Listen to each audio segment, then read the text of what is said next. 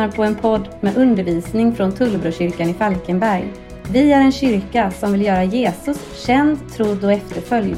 Vi hoppas att det du lyssnar på ska få bli till glädje och uppmuntran för dig.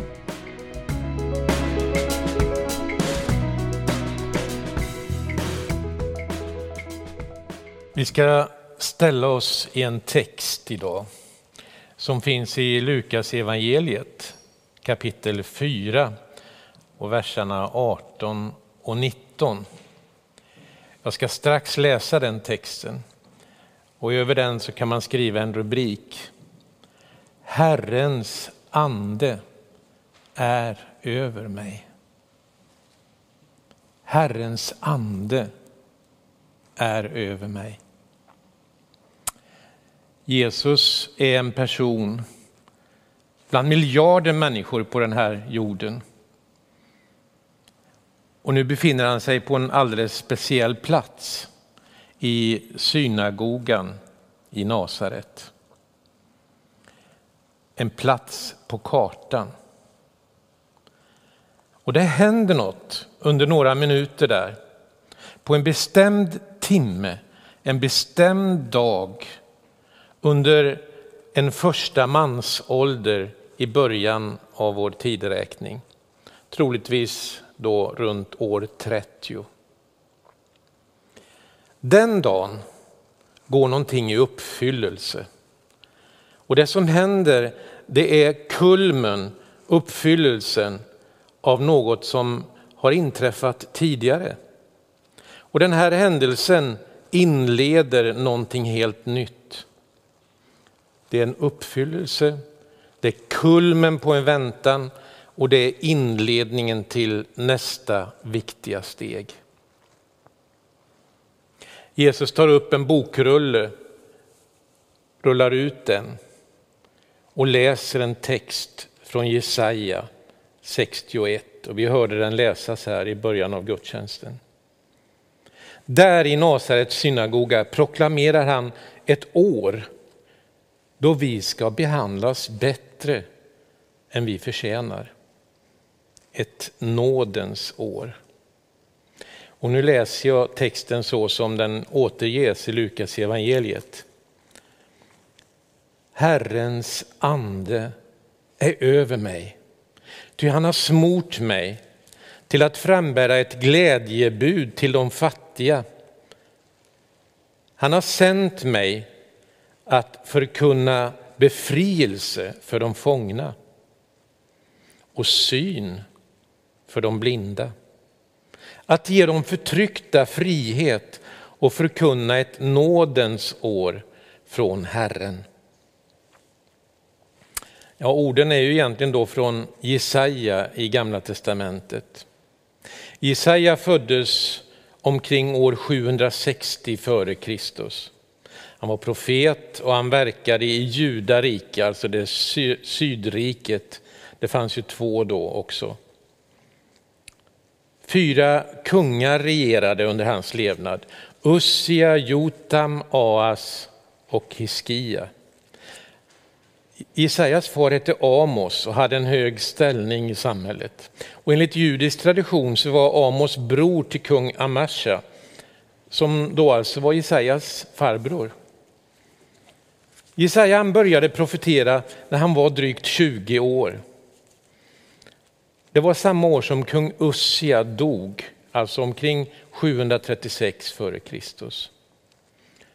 Så kung Ussia och Jesaja var alltså släkt. Och det förklarar nog varför Jesaja fick så, fritt, fick så fritt tillträde till hovet och varför han fick så stort inflytande bland ledande personer. Kung Eskia sände sina främsta ämbetsmän och de äldste bland prästerna som sändebud till Jesaja för att tala med honom och få höra vad han hade att säga. Och Jesaja verkade under en av de mest allvarliga och ödesdigra perioderna av det hebreiska folkets historia. Gång på gång så vände de Gud ryggen och avfallet var som värst under kung Ahas tid. Till slut stängdes till och med dörrarna till templet. I sina predikningar påtalade Jesaja folkets bortvändhet från Gud. Och han uttalade dom över all orättfärdighet i hela folket men också på det personliga planet. Njutningslystnad, överdriven lyx, förtryck mot de fattiga, orättfärdig rättsskipning. Det inriktade han sitt budskap på. Jesaja visade att Gud är helig. Därför skulle också Guds folk vara heligt.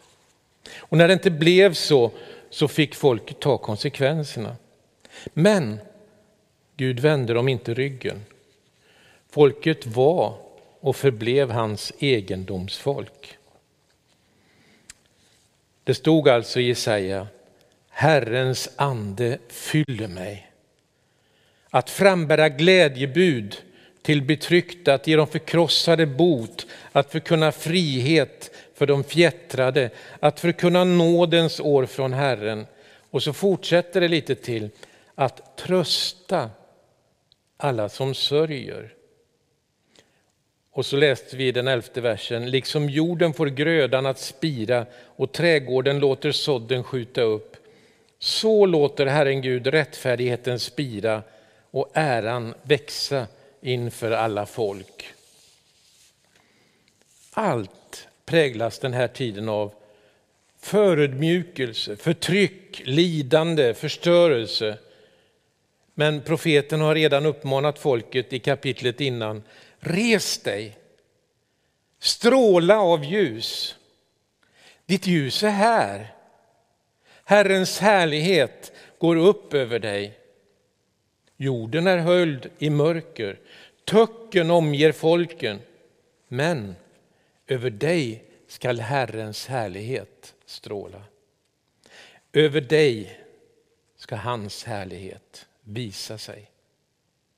Och så står det i en vers lite längre fram, lyft blicken och se dig omkring. Och den, i slutet på kapitlet, den vers står det, av den minste blir det en skara på tusen. Den ringaste blir till ett mäktigt folk. Ja, Herren ska låta det ske när tiden är inne.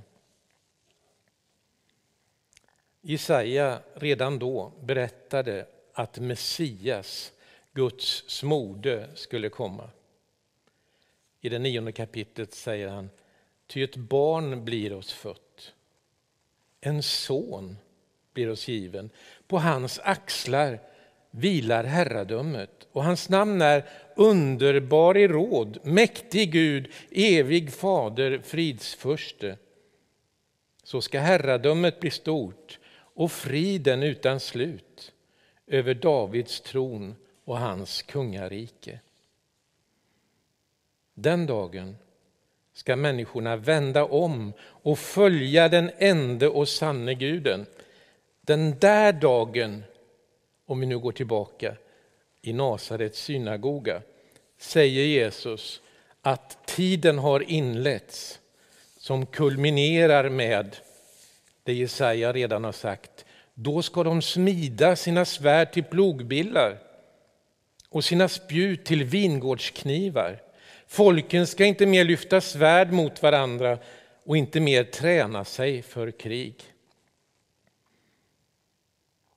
Det finns ingen som så livfullt har beskrivit hur världen ska förvandlas som Jesaja.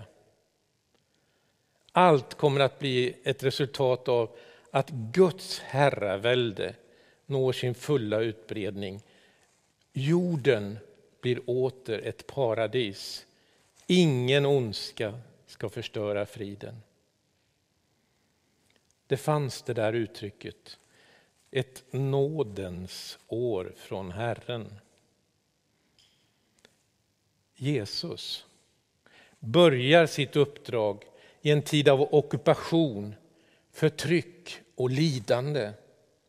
Det hade pågått, det pågick och det skulle fortsätta att pågå. Hela världen har under 2020 och 2021 gått igenom ett historiskt år. Varenda människa har påverkats. Många äldre har dött och även en del yngre. Barn har inte kunnat gå i skola. Tusentals har förlorat sina arbeten och sin försörjning. Och människor har suttit instängda i sina hem och gatorna har legat öde under perioder detta år. Och medan så gott som alla kyrkor i hela världen har varit stängda har de kristna församlingarna knappast, knappast omnämnts. Varken i Folkhälsomyndighetens riktlinjer eller pressreleaser från regeringskansliet. Medias rapportering om pandemin har ignorerat den kristna församlingen i väldigt hög grad. Kan något gott komma från Nasaret? sa de på Jesu tid. Kan något gott komma från kyrkorna? Har vi, den kristna församlingen, någon plats i samhället? Det står i Jesaja 9 och 1. Sebulons och Naftalis land som är så ringa aktat. Och sen fortsätter det med att det ska komma ett barn och på hans skuldror vila herraväldet. Alltså det fanns ett geografiskt område men det hade ingen plats på kartan. Hur var det då före den här stunden i Nasarets synagoga? Ja, det finns en hemlighet här. För innan Jesus proklamerade ett nådens år från Herren i Nasarets synagoga år 30 så hade han kommit till världen. Gud kommer till världen i två steg. Maria, hans mor, blir gravid, havande, genom den helige Ande. Så blir Gud människa. Gud kommer alltså till världen som ett foster. Och sen föds han in i världen, precis som alla andra människor. Och så växer han upp. Och då når han fram till andra steget av ett inträde i världen. Och det är när Jesus möter Johannes som kallades för döparen. Den sista av gamla förbundets profeter som jämnar vägen för Jesus. Första steget tog nio månader.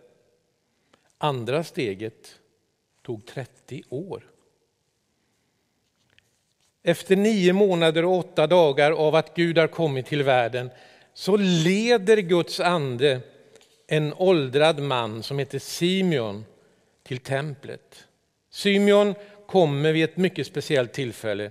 Jesus ska omskäras och officiellt bli en del av det judiska folket. Och då står det att helig ande var över Simeon och att han var ledd av anden. Så beskrivs det som händer här. Guds ande leder en äldre man. Han var nog kanske till och med äldre än mig. Det går 30 år och så närmar sig Jesus Johannes som pekar på honom och säger där är Guds lam som tar bort världens synd. Och anden sänker sig över Jesus när Johannes döper honom. Anden inviger sen Jesus i uppdraget. Och då blir det Gud med oss. Guds närvaro som människa tar då också två steg. Jesus tar det första direkt efter att ha läst texten i Jesaja, från Jesaja i synagogan i Nasaret. Det är då han börjar sin verksamhet. Vid dopet kommer anden över Jesus. Jesus blir uppfylld av anden och han leds av anden ut i öknen. Där frestas han och prövas av motståndaren, djävulen, han som kastar isär, som splittrar. Jesus leds av anden att möta honom där i öknen. Men Jesus står fast. Han ger inte vika för djävulens insinuationer att han ska visa sitt maktanspråk. Han låter sig inte heller drivas till att bevisa att han faktiskt kan göra under. Och han använder inte sin ställning till att rädda sig själv. Jesus fylldes av anden och Jesus återvänder från öknen uppfylld av anden. Och så kommer han tillbaka med andens kraft inom sig. Och så ställer han sig i synagogan i sin hemstad. Och han är mitt ibland sina släktingar, sina trossyskon och sina vänner. Och där så läser han texten ur Gamla testamentet. Han kommer och sen går han vidare. Efter två steg har han kommit in i världen och nu tar Jesus första steget i sin närvaro historiskt och geografiskt i den här världen. Och så börjar han en tjänst som ska vara i tre år. Han förbereder sig 30 år och han är verksam i tre år. Och Jesus börjar undervisa med kraft. Jesus visar Guds kraft genom helande och befrielse. Och Jesus gör under till och med i naturen. Och han gör under med födan som ska livnära oss varje dag. För Jesus är uppfylld av anden, av Guds ande. Och han fullbordar avsikten som fanns för hans liv med att bli människa. Och så förbereder han det andra steget av sin närvaro i världen. Fram till sin död så har han utvalt en liten grupp människor. Det är de som ska föra hans liv och hans gärning vidare. Det är andra steget av hans närvaro i världen.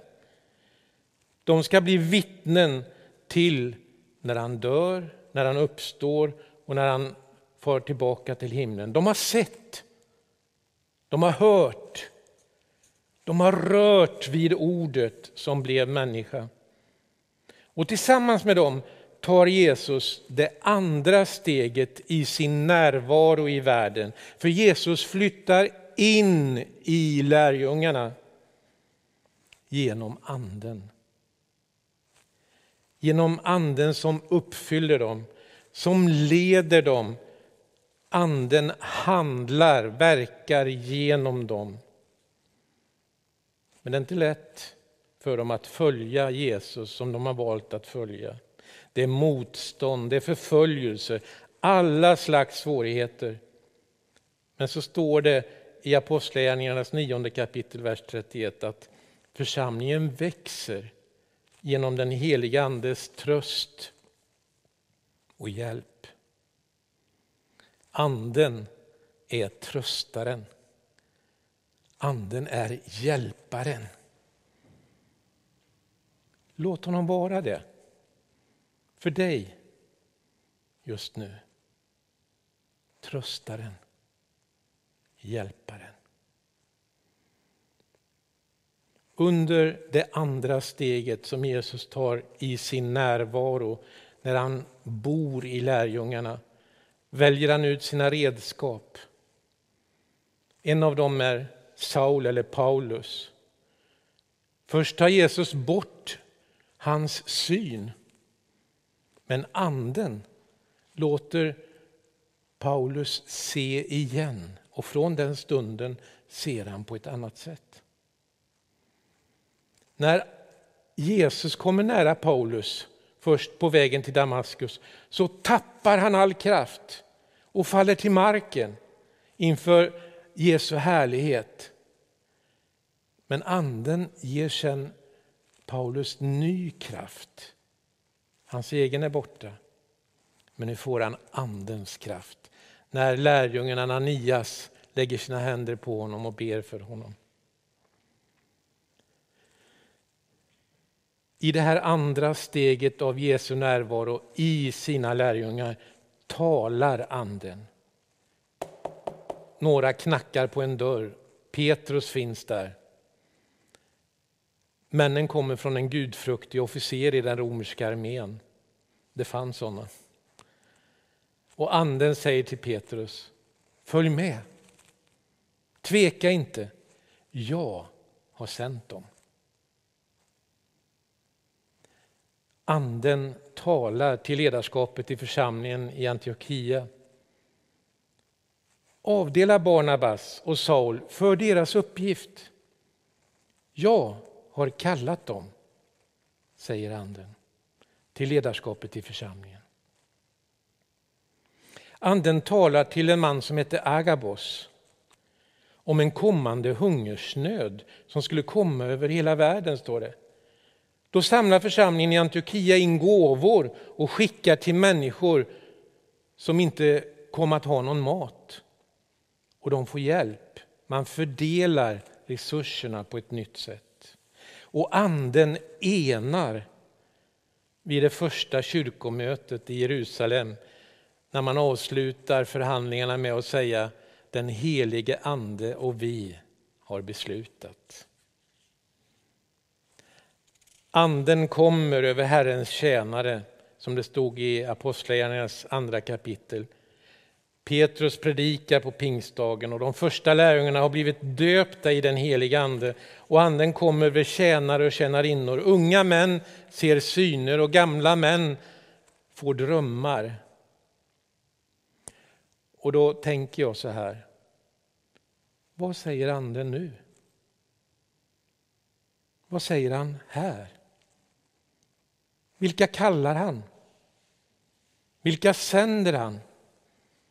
Vad enar han oss omkring? Vad händer då Herrens ande är över mig? Då han döper mig i anden, då han smörjer mig med den heliga ande.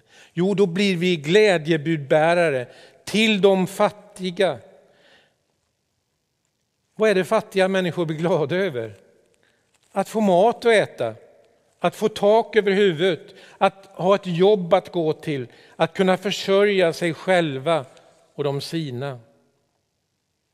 Och så stod det ju där i Jesaja, liksom jorden får grödan att spira och trädgården låter sådden skjuta upp, så låter Herren Gud rättfärdighetens spira och rättfärdighetens spira.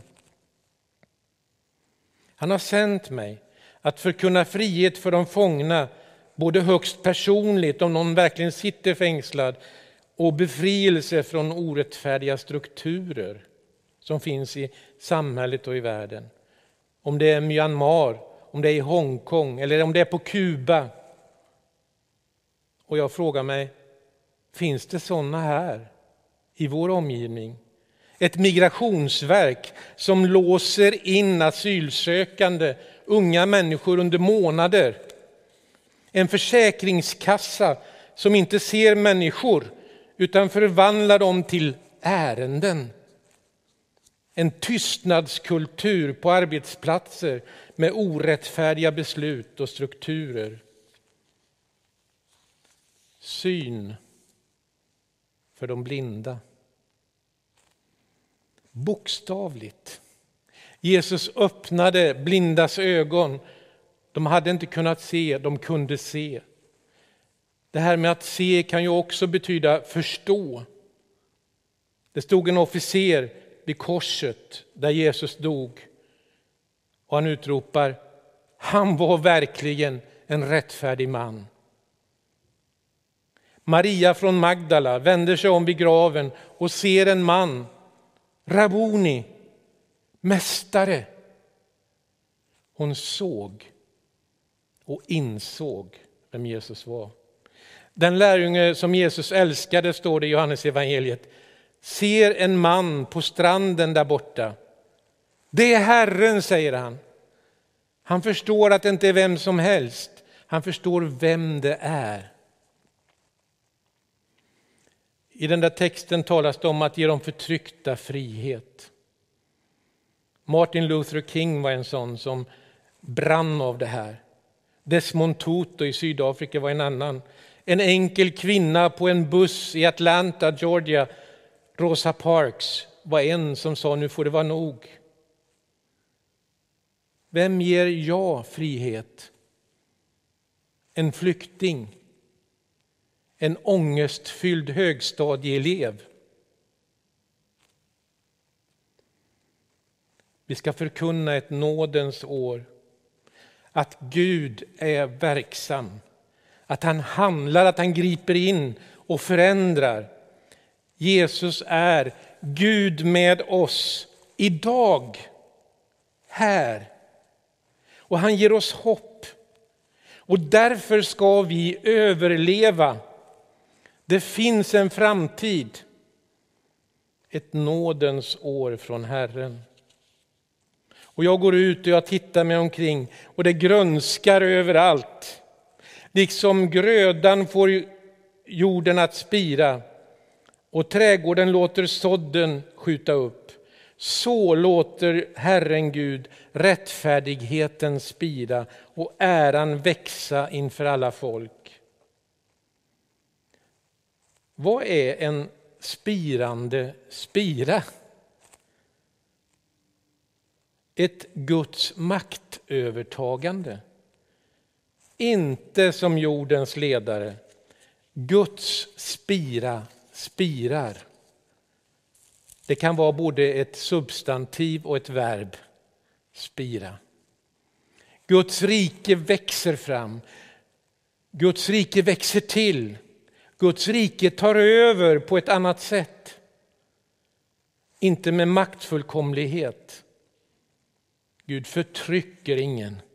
Gud tvingar ingen till underkastelse.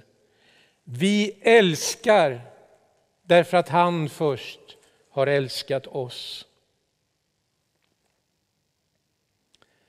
Vi minns innan pandemin.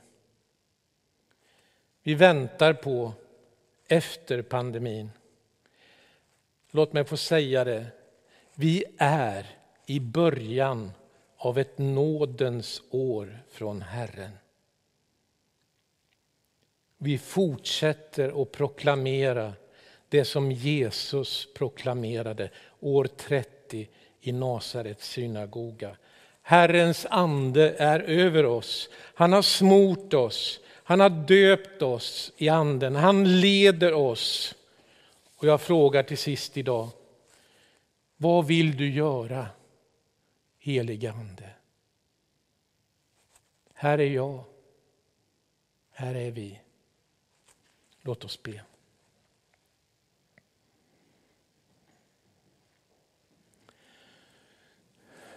Helige Ande, kom. Kom till oss som just nu är här i Tullbrokyrkan. Kom till den som sitter och tittar på sin tv eller på sin dator eller mobil. Kom heligande. Ta det här andra steget i din närvaro genom oss till att bryta de orättfärdiga mönstren, till att föra in Guds riket bland människor på jorden. Tack Gud, Fader, Son och helig Ande att du är med oss idag. Amen.